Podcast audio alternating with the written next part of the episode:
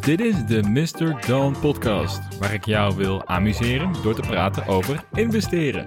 Mijn naam is Jasper en leuk dat je luistert naar deze aflevering.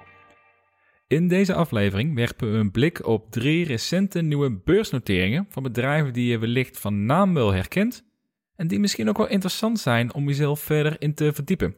Om het leuk te houden heb ik drie verschillende soorten bedrijven gevonden, namelijk eentje die teams helpt om beter met elkaar samen te werken. Er zit ook een bedrijf bij die zich richt op plantaardige voeding en een bedrijf die zich richt op online cursussen die je vanuit huis kunt volgen. Dus hopelijk brengt deze aflevering jou op goede ideeën en misschien wel bij je allereerste nieuwe portfolio aanvulling. Maar voordat we starten, de gebruikelijke disclaimer. Deze podcast is voor entertainmentdoeleinden. Ik ben geen financieel adviseur, dus doe altijd je eigen onderzoek.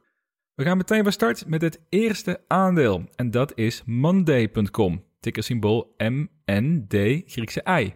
Monday.com is een online tool waar je je werkzaamheden met je team in kan plannen.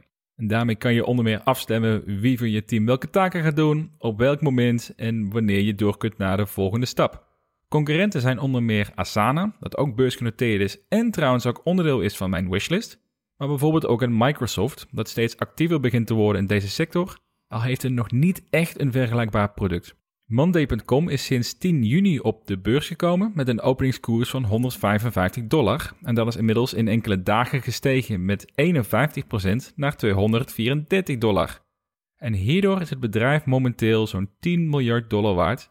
Ja, en dat is op het eerste oog een pittige waardering. In de afgelopen 12 maanden heeft Monday.com een omzet gerealiseerd van 188 miljoen dollar. Wat betekent dat je momenteel 54 keer de omzet betaalt voor dit aandeel.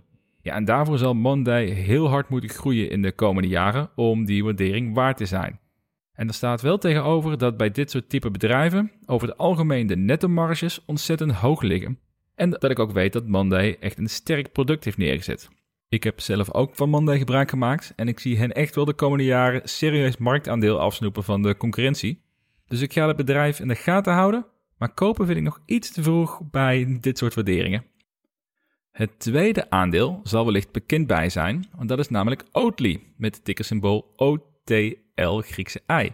En zij maken plantaardige haverdrank, oftewel havermelk wat niet zo genoemd mag worden, maar ook variaties op yoghurt en smeerkaas. En dit product is in Nederland al aardig populair geworden. Vooral in de steden bij de duurzame hippere doelgroep is de haverdrank van Oatly bijzonder populair voor de koffie. Zo erg zelfs dat laatst Amsterdam op zijn kop stond omdat er geen Oatly meer te krijgen was in de supermarkten. Ja, en een product waar mensen van een paniek raken omdat het tijdelijk niet meer verkrijgbaar is, ja, daar zit meestal een interessante business case achter voor investeerders.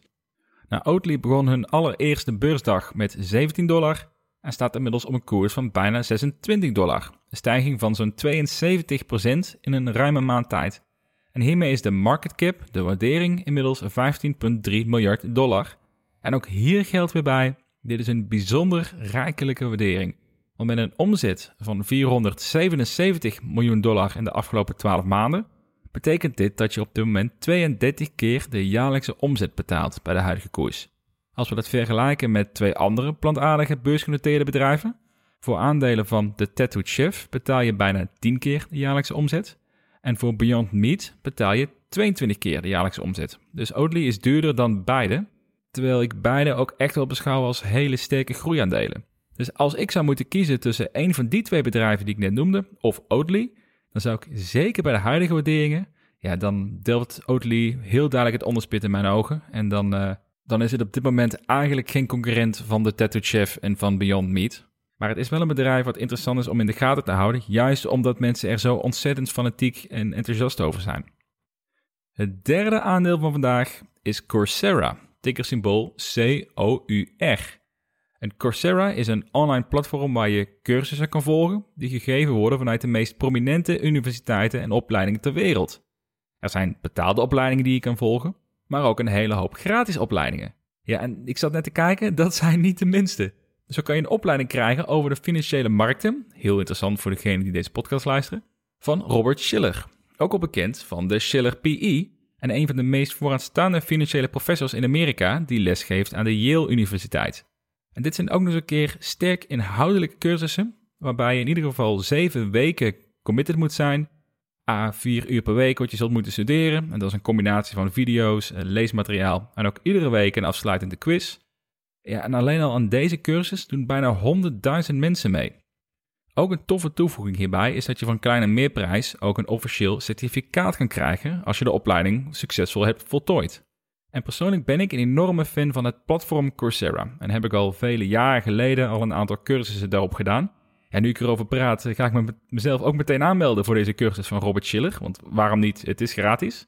En ook als ik er vanuit een investeerdersperspectief naar kijk, word ik enthousiast. We zijn aan het internationaliseren, er wordt kritisch gekeken naar het educatiesysteem, waarbij studeren op afstand een reële optie lijkt te gaan worden. Ja, en Coursera kan hier wel stevig van gaan profiteren. En als je enthousiast bent over de gratis cursussen die Coursera aanbiedt, dan is de kans ook groot dat je blijft hangen. En als je dan een keer een hele toffe cursus ziet waar je graag wilt deelnemen, dan ben je ook bereid om daarvoor te betalen. Dus er zit ook een serieus businessmodel achter. De openingskoers, op de eerste dag dat ze naar de beurs gingen, was 33 dollar. Op dit moment is de koers 43 dollar. Dat is al een koersstijging van zo'n 30% en dat betekent een waardering van 5,8 miljard dollar. De afgelopen 12 maanden hebben ze een omzet gerealiseerd van 328 miljoen dollar, oftewel, een hele hoop cijfers, je betaalt 17 keer de jaaromzet. En dit is opnieuw een pittige waardering, maar ik denk dat Coursera zo'n bedrijf is wat zeker de moeite waard kan zijn om je verder in te verdiepen, zeker als je denkt dat de e-learning domein de komende jaren nog populairder gaat worden. Dus dat zijn drie bedrijven die vrij recent naar de beurs zijn gekomen en wat misschien wel interessant voor je is om daar wat verder in te gaan verdiepen. Eén tip die ik wel wil meegeven, als je aandelen wilt kopen van bedrijven die recent een IPO hebben gehad, besef dat de eerste maanden vrij volatiel kunnen zijn qua koers. Is afhankelijk hoe de IPO eruit ziet, maar insiders kunnen hun aandelen verkopen. Eh, maar ook omdat de koers vaak al sterk stijgt in de eerste paar weken, zoals we nu ook zien bij deze drie bedrijven, heb je ook al grote investeerders die snel hun winst gaan pakken. Persoonlijk is het mijn uitgangspunt om minimaal een half jaar te wachten voordat ik investeer in een nieuw bedrijf op de beurs. Al maak ik natuurlijk uitzonderingen als ik echt enthousiast ben en de waardering goed is, want dan is er geen reden om te wachten. Maar in de meeste gevallen loont het om geduldig te zijn bij dit soort zaken. Hiermee komt deze aflevering weer ten einde. Ik hoop dat deze podcast jou geholpen heeft. En zo ja, dan heb je misschien ook wel vrienden die geïnteresseerd zijn in beleggen die het helpt. Hint, hint, leuk om te delen. Meer content over beleggen, cryptocurrency en startup investing kan je vinden op de website www.mrdon.nl. Voor nu, bedankt voor het luisteren en graag tot de volgende aflevering.